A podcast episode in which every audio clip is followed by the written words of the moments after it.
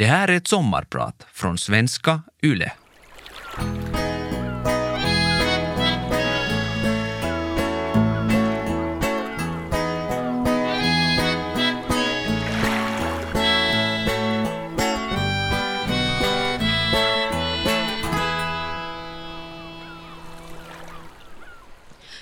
Det sägs att det krävs blod, svett och tårar för att ta sig någonstans i världen.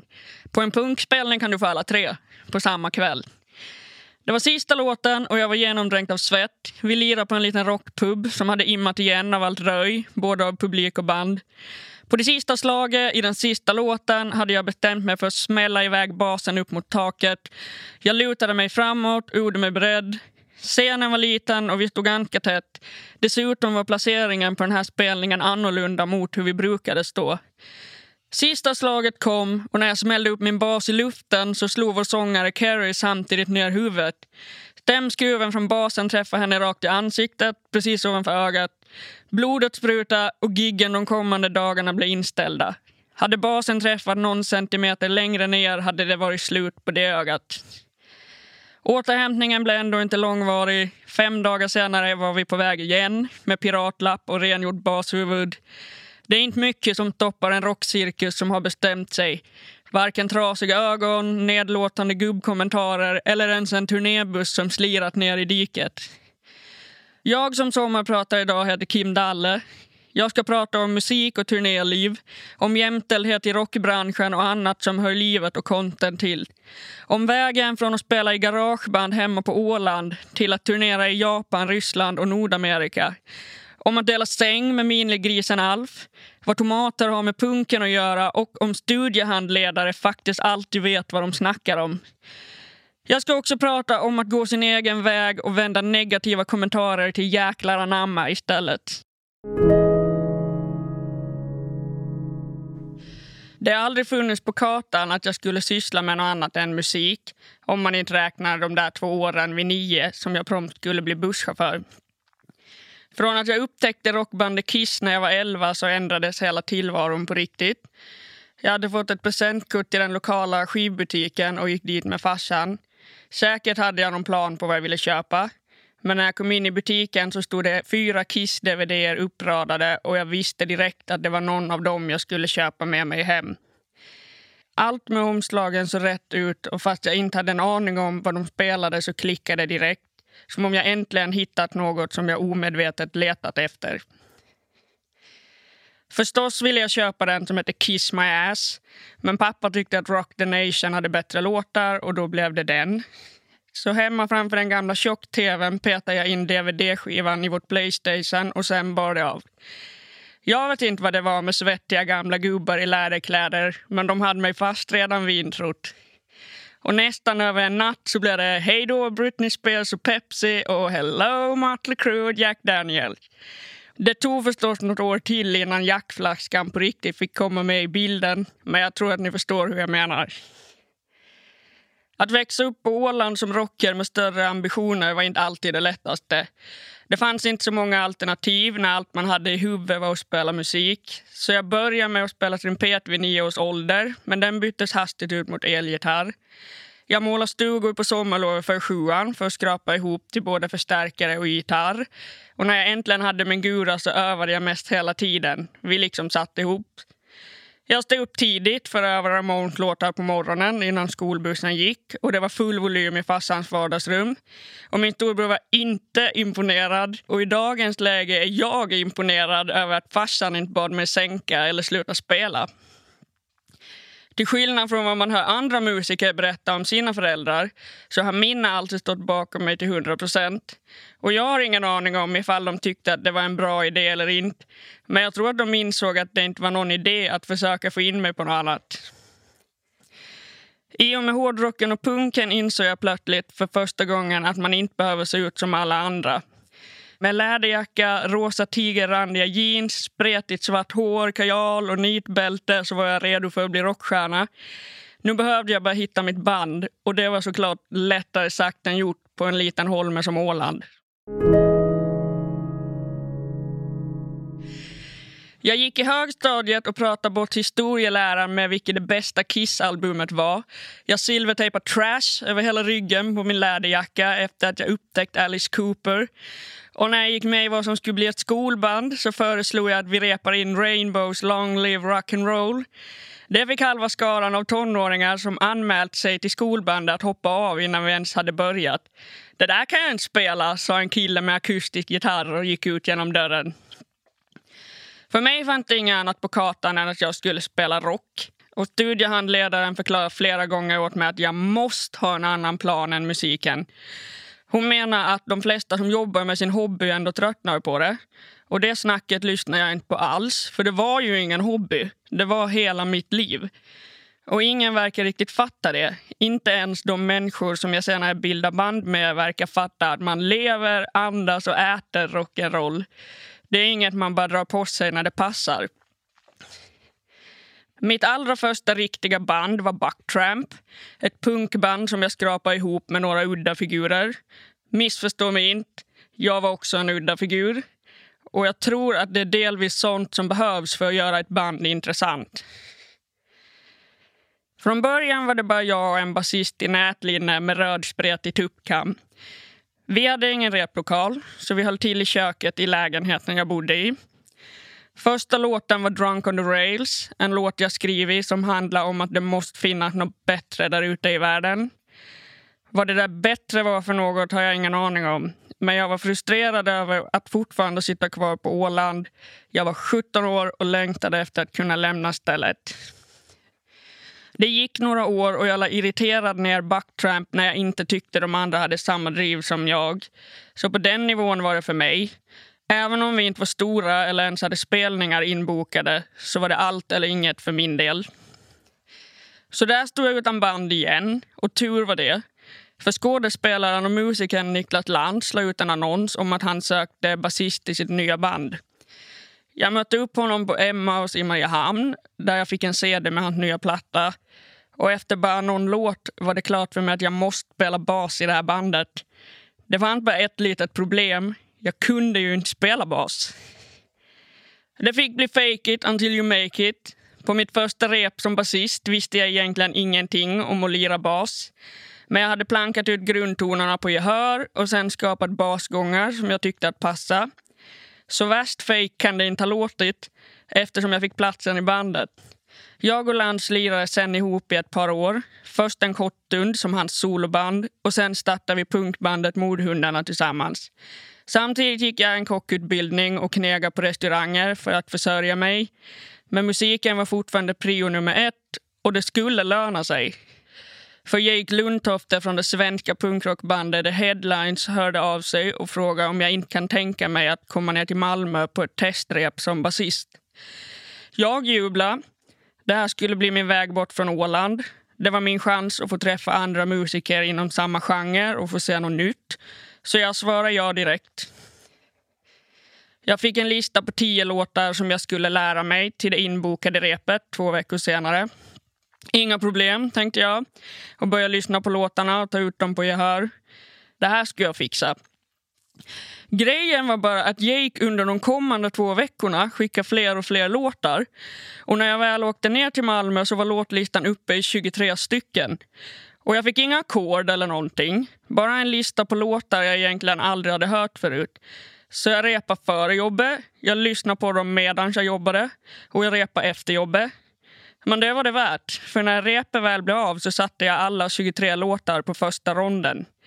Det var alltså en asvarm sommardag nere i Köpenhamn som mina fem år som basist i The Headline började. Bandet bodde i Malmö men hade en dansk trummis och replokalen låg i Köpenhamn. Den delar vi med det danska rockbandet DAD.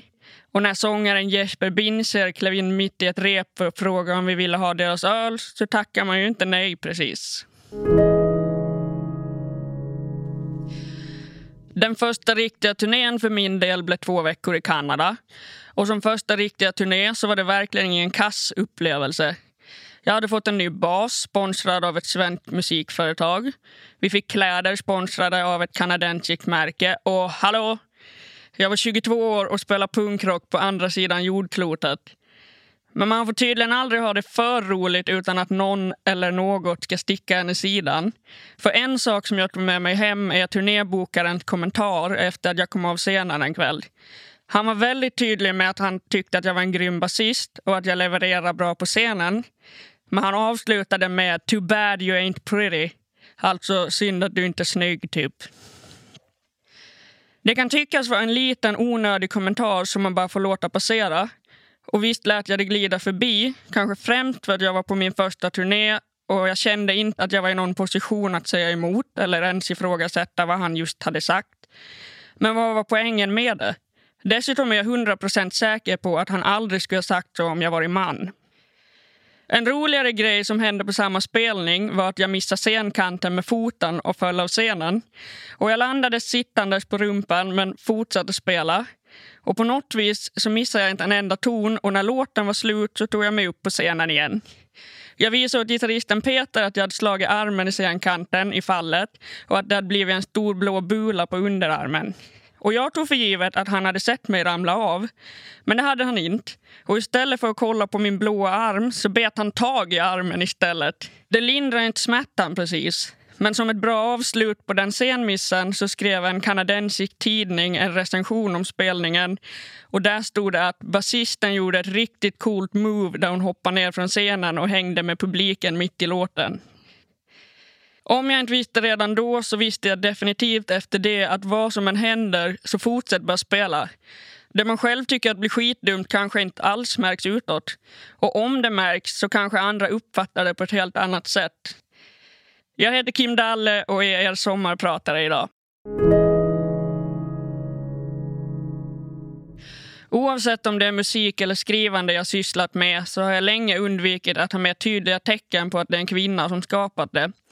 Jag vill fortfarande hålla allt rätt så androgynt men länge kändes det som att folk skulle tycka att det var fånigt eller mindre bra om de visste mitt kön. Smidigt nog så fick jag ju ett väldigt androgynt namn av mina föräldrar. Jag har sedan tidiga tonåren undvikit allt som kan uppfattas tillhöra den mer gammeldags normen om vad som är typiskt tjejigt. Det har inte varit min grej ändå, så det var inget stort medvetet steg. Men det jag skapade fick absolut inte utstråla något som kunde ses som klassiskt tjejigt. Och det var jag benhård på. Jag ville inte ha något med det att göra. Jag ville att min musik skulle tas på allvar, precis som vilket manligt rockband som helst. För det sved då och det svider fortfarande varje gång någon använder ordet tjejband. Efter min tid i punk och rockbranschen så har jag inte träffat en enda tjej eller kvinna som tycker att det är ett okej sätt att presentera ett band som består av bara tjejer på. Det är ju ingen som kallar Rolling Stones för gubband eller som någonsin påpekat att det bara är män som spelar i The Helicopters. För mig låter tjejband nedsättande, som att det inte är ett band att ta på allvar eller att räkna med. Ett band med bara kvinnor är ett band, inte ett tjejband. Det här är såklart rotat långt bak, precis som allt annat som rör jämställdhet. Man får komma ihåg att Joan Jets gitarrlärare på 70-talet bad henne lämna lektionen för att han ansåg att kvinnor inte spelar elgitarr eller rock. Tack och lov så har vi ändå kommit en bra bit sedan dess. Jag har ju själv varit med om nedlåtande kommentarer på grund av mitt kön. Ett exempel är när jag var yngre och skulle spela på en lokal rockpub med mitt dåvarande band. Jag var på väg mot scenen med gitarren i ena handen och blev stoppad av en man som måste kläcka ur sig Jaså, det är lilltjejen som ska upp och spela. Jag sket i att svara men blev såklart irriterad och tänkte att han ska få se vad jag går för. Så jag gick upp på scenen och matade på med allt jag hade och efteråt kom han och dunkade mig i ryggen och sa att han tyckte det var jättebra. Man tackar för berömmet såklart. Kul att du gillade. Men var kommentaren före spelningen verkligen nödvändig? Hade han kallat en 19-årig manlig gitarrist för lillkillen innan giget? Det vet jag inte, men jag är helt säker på att kvinnor får ta del av såna kommentarer mycket mer än män. Idag är jag bra mycket snabbare och bekvämare med att ge svar på tal så jag antar att det hade blivit en annan diskussion idag. Såna här saker gjorde att även när jag fick en bas av Jake Headlines så spelade jag aldrig på den live. För det var en shortscale bas med kortare hals än vanliga elbasar. Den var jättesnygg och lät bra. Men jag tänkte inte låta någon tro att jag inte kan hantera en fullskalig bas bara för att jag är tjej. Som tonåring kunde jag till och med vara frustrerad över att jag inte var man. Alla manliga rockstjärnor framställdes som häftiga medan till exempel kvinnorna i Vixen eller gitarristen Lita Ford poserade kromande i små bodys med några nitar på och pattarna upptryckta under hakan. Jag fattar att de inte poserar så under pistolhot eller blev påtvingade kläderna men jag vet att det fanns påtryckningar från branschfolk om hur det skulle vara och vad som säljer. Och var det inte branschfolk så är det inte så svårt att ta en snabb titt på hur kvinnor har behandlats och framställts i media genom tiderna överlag. Det är till exempel stor skillnad i kommentarsfälten på sociala medier om man ser en bild på Keith Richards eller om man ser en på Lita Ford eller Amy Winehouse. Keith i Rolling Stones hyllas för vilken bra gitarrist han är medan kvinnorna får kommentarer om hur snygga de var eller i Amys fall vilken värdelös missbrukare hon var. Jag har funderat en del på varför det anses vara acceptabelt och lite häftigt galet med missbruk när Keith Richards och Ozzy Osbourne gör det men bara tragiskt, pinsamt och värdelöst när Janis Joplin eller Amy Winehouse gjorde det. Och jag tänker inte bena i något svar, men jag tycker att det öppnar för tankar kring hur olika synen på män och kvinnor i rockbranschen är. Kvinnor ska hållas vackra, lugna och gärna sexiga. Annars är det fult och skandal. Män kan däremot bete sig nästan hur som helst och ändå komma undan med det som hjältar. Livet på turné är inte för alla. Speciellt när du inte är i närheten av lyxen och bekvämligheten som stora band som Rolling Stone kan kosta på sig. Det handlar om minibuss och van snarare än privatplan och stora turnébussar. Flera timmar om dagen som man rullar fram i en plåtburk för att hinna till soundcheck i tid. Man kommer fram, man råddar grejerna ur bilen, riggar, soundcheckar, käkar, tar en bira och väntar. Det är en grej som många blir förvånade över, hur mycket väntande det är när man är iväg och spelar. Man väntar på att spelstället ska öppna. Man väntar på att förbandet ska börja. Man väntar på att själv få gå på scen. Men om det är vad man vill och lever för så är turné det roligaste och friaste sättet att leva på. Man blir som i en egen värld. Svensson 9 5 existerar inte. Du får träffa nya människor alla dagar och varje kväll får man göra det man gillar mest. Spela musik och underhålla. För kicken man får av att spela live för bra publik är svår att ersätta med något annat. Det gör att jag delvis kan förstå varför gamla rockstjärnor håller på ännu. Även för att det kanske inte låter så bra. Det måste vara det eller helt enkelt girighet. Det har såklart hänt mycket längs vägarna som blivit till guldkorn i mitt eget historiefack. Men det finns ändå lite av en outtalad regel om att vad som händer på turné, det stannar på turné. Men några personliga höjdpunkter är när jag matar Glenn Matlock från Sex Pistols med brunsås med en stor soppslev vid en buffé. Eller när basisten Rob i The Exploited lånar min bas för deras gig när vi lirar på samma festival.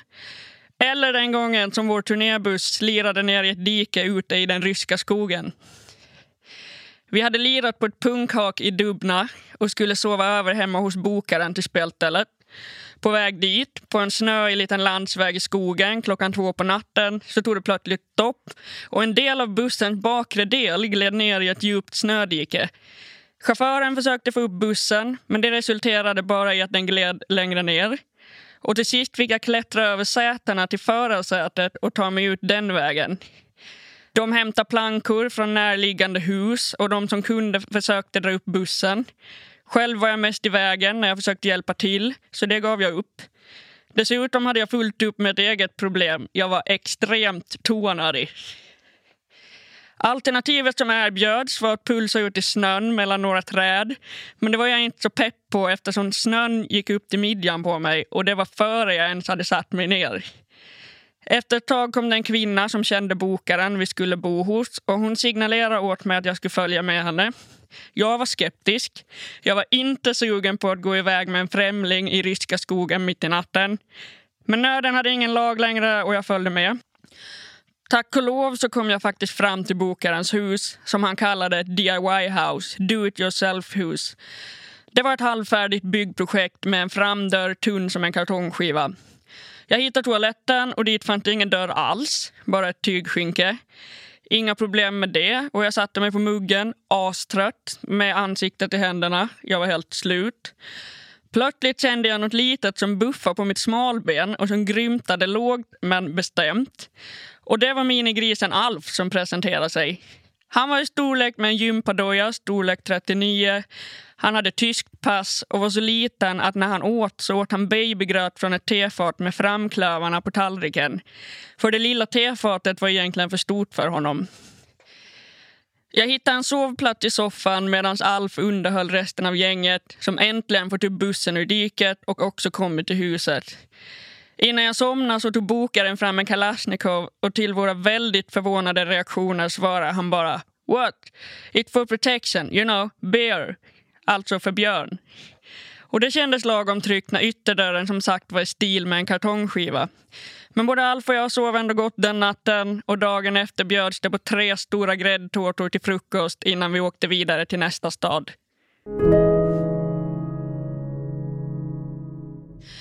När jag turnerade som mest började jag till sist längta hem till skogen igen. Jag orkade inte med Malmös kroniska betong och någonstans kände jag att jag verkligen är född och uppvuxen på en ö. Jag behöver kunna öppna dörren och vara vid havet nästan direkt. Inte ta en buss 45 minuter för att komma till en folktät badstrand. En del människor undrar vad jag är kvar på Åland. Men när man åker omkring så mycket som jag gjorde på den tiden så var det skönt att komma hem till landet igen. En annan stor orsak är att jag träffade Adde, som idag är min sambo.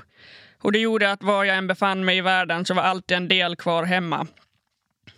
Vi bestämde oss för att köpa ett hus i skogen i Sund, Åland kanske mest hatade kommun. Vill man bo i Sund, sa jag flera gånger. Med huset vi kollat på med stuga på gården som man kunde inreda till studio och replokal gick inte att släppa. Det är ett gammalt renoveringsobjekt från tidigt 1900-tal. Så ett tag blev det renovering, skivinspelningar och turnéer i en salig röra.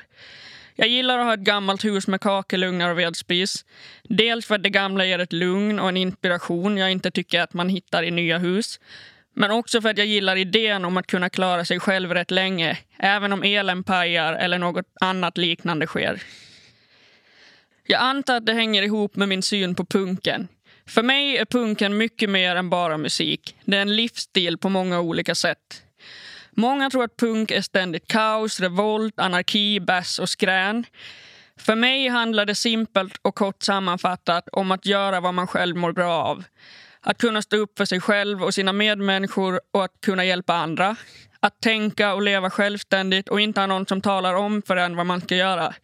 Så odla dina tomater, krossa patriarkatet, kämpa för jämställdhet och låt bli att trampa på dem som redan ligger. När jag var liten ville jag helst vara Robin Hood medan de andra tjejerna lekte att de hade hästar. Kanske var man född med punken i ryggraden på något sätt. Och vad är väl mer punk än att bo i ett gammalt do-it-yourself-hus i Ålands mest hånade kommun? Varför det drivs så mycket med Sund har jag ingen aning om. Men det finns ett uttryck som går “Är du dum eller är du från Sund?” Men här i skogen kan ingen höra dig spela trummor klockan två på natten. Som jag sa tidigare så blev det många timmar i turnébussen och efter något år fick jag för mig att jag kan göra något vettigare med de timmarna än att sova, läsa och käka bensinstationsmackor. Jag sökte till en skrivarlinje på distans och började nörda ner mig mer i skrivandet. Skrivandet har alltid gått hand i hand med musiken för mig eftersom jag skriver all min musik själv. Låttexterna är viktiga för mig när det är jag som sjunger. Och även om jag repar fram mina nya låtar tillsammans med bandet och låter dem komma med input och åsikter så har jag hittills aldrig låtit någon peta i mina texter. Jag kan såklart fråga vad någon annan tycker om jag velar mellan två ord eller liknande. Men ingen får peta i texterna. Det är mina tankar och känslor jag delar med mig av och då är det på mina villkor. I samband med att jag gick skrivarlinjen började jag även skriva annat. Jag skrev vad jag kallar för kvittopoesi, vilket var att jag krafsade ner funderingar i poesiformat på baksidan av ölkvitton och liknande när vi var ute och spelade.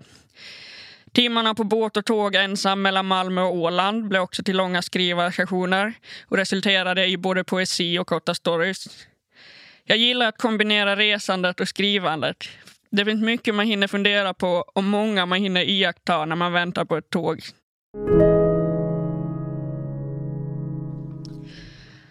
Att spela musik är inte bara roliga spelningar, turnéer och sålda skivor. Det är mycket jobb bakom som många inte tänker på. Många timmar av repande, låtskrivande och planerande. Väldigt mycket tid som går åt till att ens få svar av någon när det är dags att leta skivbolag eller få till spelningar utanför sin hemstad. Lika mycket som jag älskar att spela musik kan det göra mig galen och frustrerad. Men trots det så skulle jag säga att drivkraften är lika stark idag som den var när jag var 15. För musiken är en så pass stor del av mig och jag tror inte att jag kommer ifrån det. Den har alltid varit en stadig kompis och livboj. Och jag vet inte hur man får utlopp för alla skumma tankar och andra lustigheter som rör sig i skallen utan musiken, skrivandet eller konsten. Om jag vaknade en dag och bestämde mig för att jag inte orkar ge ut musik mer så skulle jag fortfarande spela hemma. Jag tror inte att det är möjligt att sluta helt. Däremot finns det ett större lugn över det idag jämfört med när jag var yngre. Jag antar att det är för att jag upplevt saker nu, liksom bockat av grejer på min bucketlist.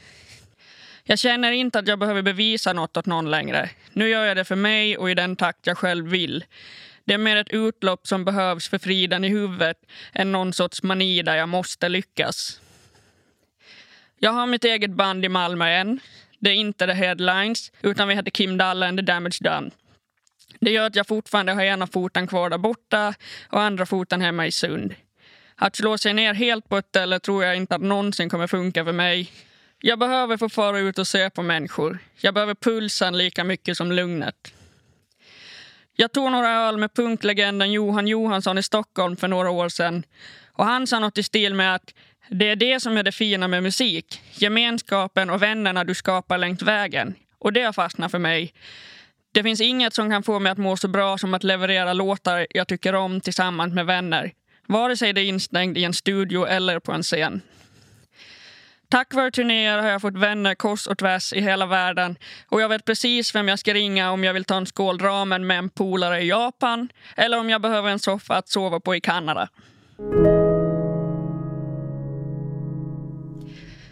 Musiken har tagit mig från pinsamma skolgig via ölkladdiga punkhak till stora festivalscener, turnéer från Japan till Kanada och mycket däremellan. Jag brukar skoja om att om jag dör idag så ska folk veta att jag har haft jäkligt roligt. Men förhoppningsvis ska det här väl bara vara början. Det har såklart funnits stunder när jag undrar vad jag håller på med. Speciellt när jag ser alla jämnåriga med stadiga anställningar och god lön i fickan. Kontomusik är sällan det man tjänar mest på såvida du inte får den där riktigt stora världshitten. Men det ger så mycket mer än pengar. Det är en frihet som inte går att förklara om man inte själv håller på med det. Om någon hade sagt åt mig när jag var 14 att jag skulle spela in två skivor med stryterrarier från Ebba Grön och Imperie som producent vet jag inte om jag hade trott dem. Jag hade nog inte heller trott att ett fan i Tyskland skulle tatuera in en bild av mig på hela överarmen eller ha en bild av mig på sin motorhuv. Att turnera i Japan trodde jag nog bara att riktigt stora band som Kiss och Deep Purple gjorde. Men där fick man sig. Det gick vägen. Och kan jag från lilla Åland göra allt det här inom musik så kan du med. Oavsett vad det är du sitter och drömmer om. Det viktigaste är att börja och sen försöka skita i alla tvivlande röster. Andras och kanske din egen. Även om det tar tid blir man oftast förvånad över vart det bär. Ibland till något ställe som man inte hade tänkt på alls. Jag som har sommarpratat idag heter Kim Dalle och jag hoppas att du får en fortsatt god musiksommar. Har lyssnat på Vegas sommarpratare med Kim Dalle. Redaktör Lukas Lundin. Vegas sommarpratare görs av Paradmedia för svenska YLE.